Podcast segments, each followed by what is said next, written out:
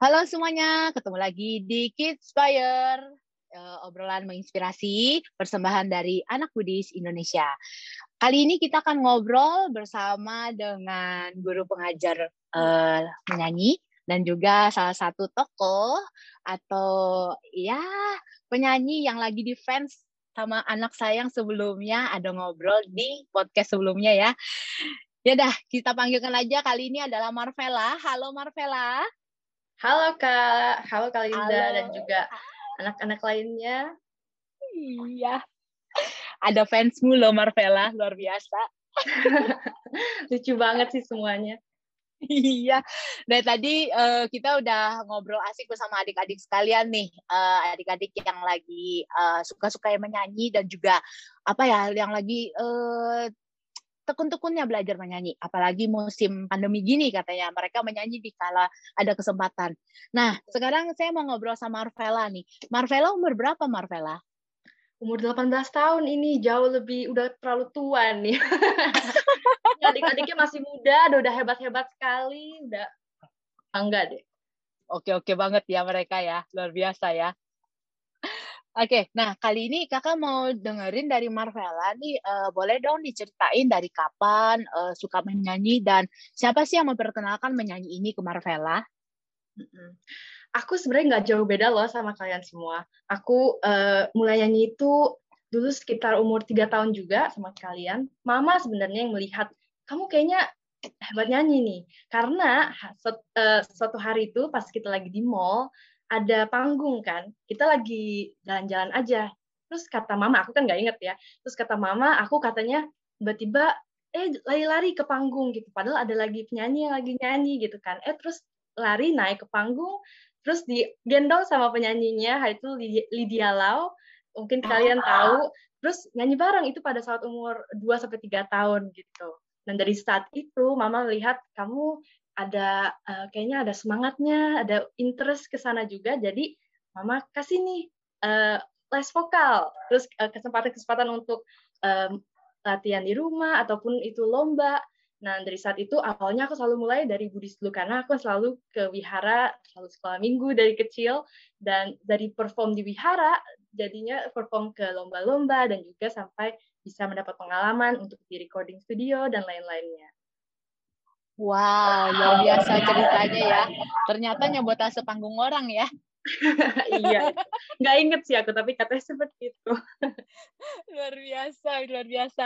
Uh, oh, kalau Marvela, domisilinya sekarang di mana Marvela? Aku di Jakarta, lahir di Jakarta dan tinggal di Jakarta. Oh, tapi aku Jakarta, uh, ya. udah uh, sementara kan aku udah mau kuliah nih. Nah, semoga hmm. bisa dap, uh, dapat beasiswa di uh, di luar negeri. Aku udah apply ke Amerika dan Kanada juga. Dan di sana aku melihat ternyata banyak sekali juga komunitas Buddhisnya. Jadi aku senang banget bisa ke sana juga dan bisa kumpul-kumpul um, dan siapa tahu bisa perform sama komunitas Buddhis di sana juga. Wah, sadu, sadu, semoga sadu. sukses, semoga lancar. Baik-baik. Eh. nah, di sini saya terima banyak sekali nih uh, list daftar dan prestasi-prestasi sama apa aja sih karya yang udah uh, Marvela buat ya sekarang. Nah, kakak mau tanya, karya dan Marvella yang paling berkesan, yang Marvella paling suka sampai sekarang itu apa nih? Karya atau pengalaman nih, Kak? Ah, Oke, okay. karya atau pengalaman deh, yang paling berkesan deh, yang paling membekas.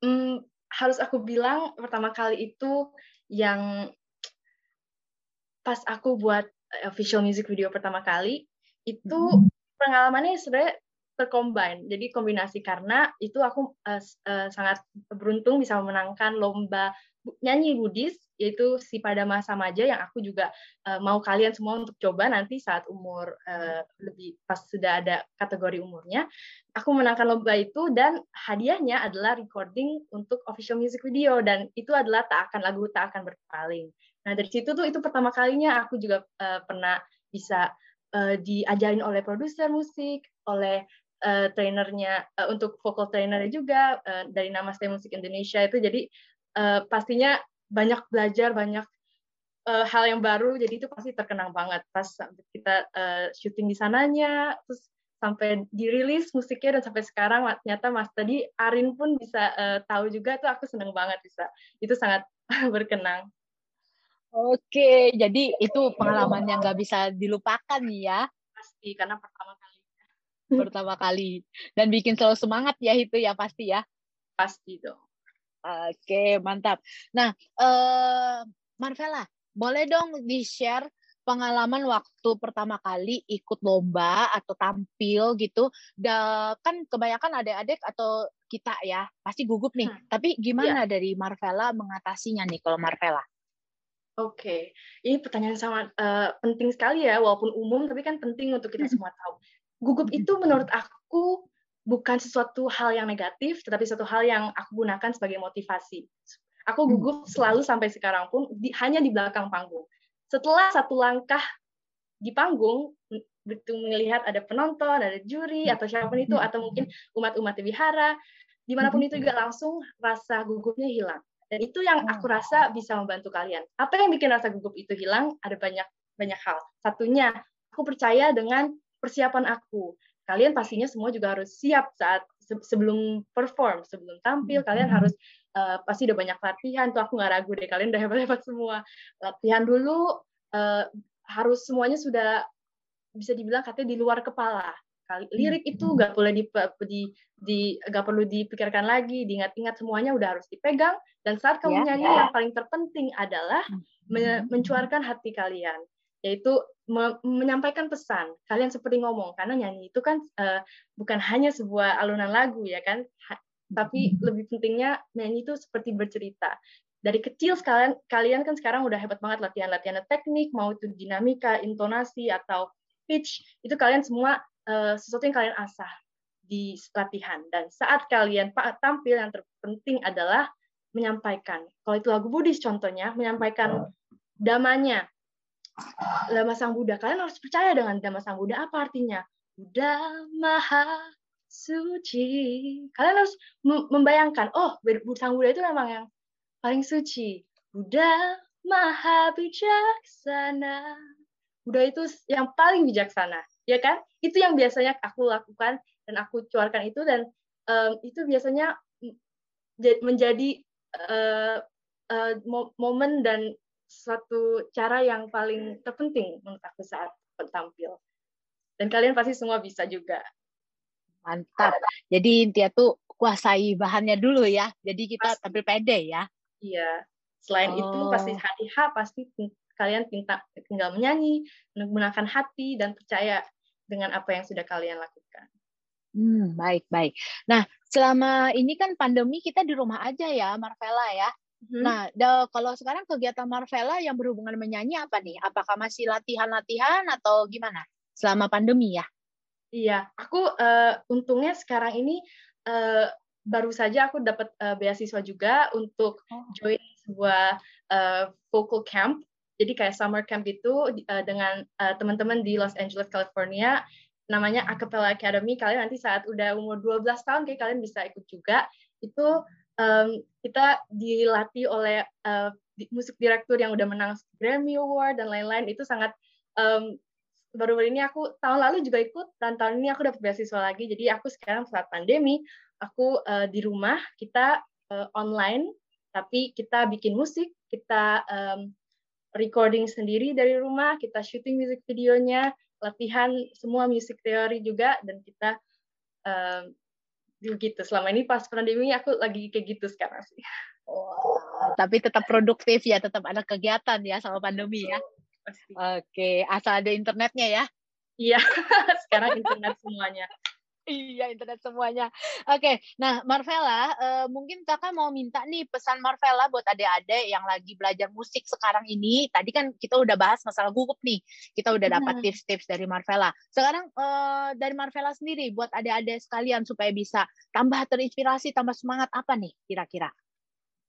Aku, uh, menurut aku yang pasti bisa bikin mereka semangat adalah melihat nyanyi sebagai uh, bukanlah hanya sebagai suatu kemampuan, tapi menjadi suatu berkah sebuah sebuah anugerah. Kalian itu udah diberi uh, mempunyai uh, suara-suara indah udah diberikan oleh Sang Buddha dan kalian harus memanfaatkannya untuk kebaikan. Nah, selain itu kalian juga mendapat dukungan dari orang tua. Selalu berterima kasihlah kepada orang tua kalian dan selalu kalian gunakan uh, talenta yang kalian punya di disambungi juga dengan percaya diri, disambungi juga dengan dukungan orang tua dan dama itu kalian semua dapat paketnya udah luar biasa berkah sekali. Jadi kalian harus ingat kalian bersyukur selalu dan terus melakukan uh, menyebarkan kebajikan dari talenta kalian yaitu bernyanyi. Oke, baik. Terima kasih Marvella. Terima kasih atas sharingnya hari ini ya. Terus semangat. Semoga lancar semuanya. Sadu. Semangat juga semuanya yang lain-lain. Adik-adik, aku bangga banget sama kalian semua. Hmm, Terus, luar biasa ya, imut-imut. Iya. Oke, uh, sekarang kita akan ngobrol bersama Lause Sujanti. Halo Lause. Halo. Iya, halo Lause. Nah, tadi kan kita udah ngobrol banyak ya bersama Ade-Ade dan juga ada Marvella di sini. Tadi kan udah dikasih tips-tips masalah apa bagaimana perform yang baik. Nah, sekarang kita mau dengerin nih dari Lause sendiri eh, gimana sih supaya kita bisa apa ya mempunyai suara yang bagus atau cara bernyanyi yang bagus tuh gimana? Tapi sebelumnya Lause, Lause asalnya dari mana sih Lause? Uh, sekarang saya tinggal di Jakarta. Oh, domisili di Jakarta ya, Lause. Baik. Nah, iya. Lause, boleh dong bagi tips buat kita-kita yang lagi belajar nyanyi nih, apa sih gitu? Uh, sebenarnya tadi sebenarnya saya tadi ya sangat senang dan kagum uh, melihat dan dengar tadi anak-anak tuh bagus-bagus sekali dengan prestasinya gitu.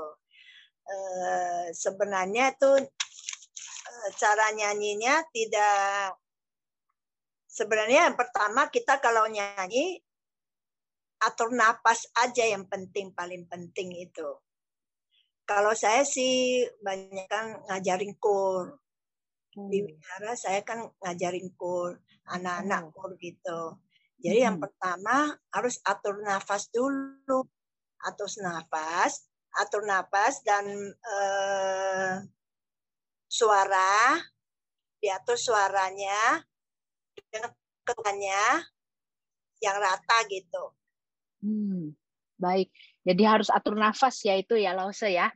Iya. Baik Lause. Nah, untuk supaya bisa bernyanyi dengan baik nih uh, kita kan mesti jaga tenggorokan kita ya pita suara kita. Iya. Nah, iya. kira-kira uh, ada nggak untuk adik-adik jangan terlalu suka makan apa gitu supaya suara tetap bagus. Sebenarnya kalau suaranya bagus atau nggak bagus itu tergantung pita suaranya aja. Kalau bagus okay. ya udah bagus. Cuman oh. kita harus menjaga supaya kan hmm, kadang-kadang hmm, ada kriak dikit ya. Ya. Oh, itu ya. Jangan makan yang manis-manis aja. Manis-manis itu bisa menimbulkan kita punya tenggorokan itu ada kriak itu sedikit gitu membuat kita gatel kadang-kadang menjadi suaranya kurang bagus gitu. Oh iya iya manis-manis. Uh, kalau gorengan gimana nih Lause? Gorengan sebenarnya sih gorengan mm, sama pedas-pedas sebenarnya sih nggak berapa pengaruh ya. Hmm. Menurut pengalaman saya gitu. Tergantung hmm. orang-orang hmm. itu aja. Ada yang nggak oh sanggup gitu pedes, gatel, nggak bisa gitu. Ada yang gorengan mungkin minyaknya membuat uh, tenggorokannya uh, kurang itu ya. Tapi tergantung orang masing-masing gitulah. Hmm. Baik, baik, Lose. Uh, jadi manis-manis uh, ternyata juga mempengaruhi ya? Iya, kalau manis-manis itu paling mempengaruhi tenggorokan hmm. kita. Hmm gitu gitu loh se. Oke, nah loh se, ya. uh, kita mau dong lagi uh, dikasih ilmu misalnya uh, apa ya kalau misalnya perform gitu menyanyi kita tampil di panggung gitu uh, apa sih tips-tipsnya loh se buat kita ada-ada yang masih belajar ini loh se. Pertama jangan gugup aja gitu ya. Hmm. hmm, ya itu atur napas aja yang penting gitu. Oh. penting napas diatur. Jadi kalau nggak gugup, napasnya otomatis kan bisa keluarnya eh, lebih bagus gitu. Oke, jadi atur nafas ternyata penting sekali ya. Penting sekali. Mm -mm. Oke, nah Lose, uh, kalau untuk yang misalnya nih uh, apa ya, kalau untuk yang latihan-latihan kita idealnya itu satu hari berapa lama latihan Lose? Misalnya berapa jam gitu uh, maksimalnya jangan terlalu diforsir semisal nih berapa idealnya berapa jam sebenarnya kalau latihan suara tidak boleh lama-lama kalau terlalu lama oh. bisa merupakan pita suara kita hmm. gitu uh, kira-kira sekali latihan paling setengah jam lah setengah jam sampai 45 menit oh itu ya jadi Tuh. jangan lama-lama juga ya? Nggak boleh lama-lama. Pita suara hmm. kita bisa uh, bisa uh, haus gitu. Nggak boleh. Hmm. Paling berhenti dulu nanti beberapa jam baru latihan lagi. Kecuali mau hafalin lagu lain lagi ya, itu lain. Hmm. Kalau kita untuk melatihan suara tidak boleh lama-lama. Oke, jadi jangan terlalu diforsir ya intinya ya sama pita suara ya.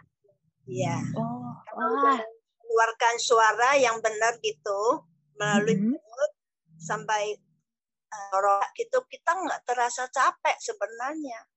Mm -hmm.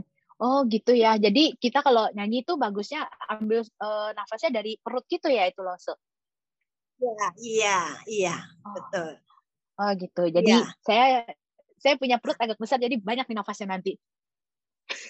Oh, sebenarnya nggak ada pengaruh sih, besar atau kecil gitu, nggak itu, nggak ada pengaruhnya. Iya, iya pengaruhnya iya, bisa gitu, siapa tahu ada pengaruh. suara aja gitu, keluar suara dari mana gitu. Jadi uh, baru bisa suaranya bagus gitulah, bisa uh, bisa terang gitu. Oke, jadi intinya atur nafas gitu ya uh, pokoknya banyaknya nafas nggak terlalu tergantung fisik sama besarnya perut ya lause ya iya siap siap Oke, okay. nah Lause, uh, saya mau minta dong uh, pesan-pesan dari Lause, pesan dari Lause untuk adik-adik yang lagi belajar nyanyi atau yang lagi semangat-semangatnya uh, untuk bernyanyi, memulai atau yang sedang belajar nih, gitu Lause. Bisa, boleh dong kasih pesannya Lause? Uh, memulainya Maksudnya memulai gimana? Siapa tahu nih ada adik-adik yang mau memulai uh, menyanyi, latihan menyanyi, belajar menyanyi gitu loh langsung. Nah, uh, kalau belajar menyanyi, memulai menyanyi, tetap atur nafas dan mm -hmm. ambil suaranya, ambil suaranya mm -hmm. dari perut naik ke tenggorokan, mm -hmm. ya, tenggorokannya penting buka gitu. Jadi tidak boleh uh, kayak tenggorokannya gimana ya sampai ke ke ke kita punya langit-langit gitu keluar gitu baru bagus gitu okay. suaranya. Okay. Kadang kalau nyanyi solo sama kor juga lain ya latihannya. Oh, beda lagi ya itu ya. Lain ya, latihannya lagi. Anak-anak kor gitu. Hmm. Oke, okay, dibagi-bagi lagi nadanya gitu ya Lause ya. Iya, iya, lain. Hmm. Kalau kor sama solo lain ya. Hmm, oke, okay, baik. Nah, kalau se semisal nih kita ada anak-anak ya umurnya udah 11 tahun atau 12 tahun tapi mereka mau uh, belajar menyanyi, apakah itu masih bisa loh se? Masih bisa. Oh, tidak, tidak ada, ada pengaruh batasan umur. Iya, apa juga nggak pengaruh sebenarnya. Hmm, baik, baik, baik. Baik, Lose. Lose, terima kasih banyak ya Lose. Hari udah dikasih pengetahuan yang banyak sekali. Terima kasih. Terima kasih banyak Lause Soti Hotu. Terima kasih. Baik, itu tadi ngobrol-ngobrol kita bersama dengan Marvela dan juga Lause Sujati di mana mereka berbagi tips-tips bersama kita di sini uh, bagaimana tampil, menghilangkan rasa gugup dan bagaimana kita bisa menyanyi dengan baik. Jangan lupa atur nafas kata Lause tadi ya. Dan jangan lupa bernafas juga sih ya Lause. gitu. Baik, terima kasih. Semoga obrolan hari ini bisa menginspirasi adik-adik sekalian dan sampai jumpa di obrolan yang lain. Dia hanya di Kids Fire, obrolan menginspirasi persembahan dari anak Buddhis Indonesia. Dah.